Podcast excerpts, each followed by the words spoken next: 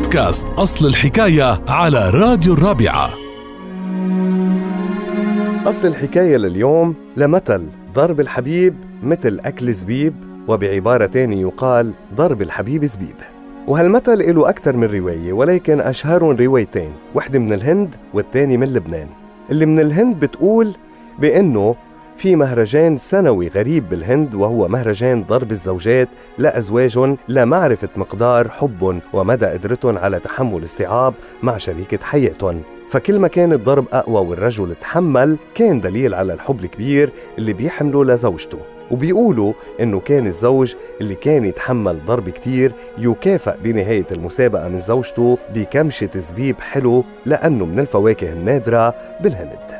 أما القصة الثانية فبترجع لثلاثينيات القرن الماضي ببيروت تحديدا وبعادة كانت تصير بالأعراس. فبيقولوا إنه العريس بهديك الفترة كان يوقف على سطح البيت وينتظر قدوم عروسته إن كانت جاي مشي أو على ظهر فرس. وبعد ما تنزل بيقطعوا لها أربع حبات رمان وكان لازم ترميهم عليه. وإذا صابته بوحدة منهم كانوا يتفائلوا إنه الزواج رح يكون ناجح. وإذا ما صابته كانوا يتشائموا. وكانوا يقولوا ضرب الحبيب زبيب وحجاره رمان ومع الوقت اختفت هالعادة واختفى من المثل الجزء الأخير عن الرمان وضل المثل الأشهر ضرب الحبيب مثل أكل زبيب لتتعرفوا على مزيد من أصل حكايات الأمثال تابعونا على بودكاست الرابعة أصل الحكاية.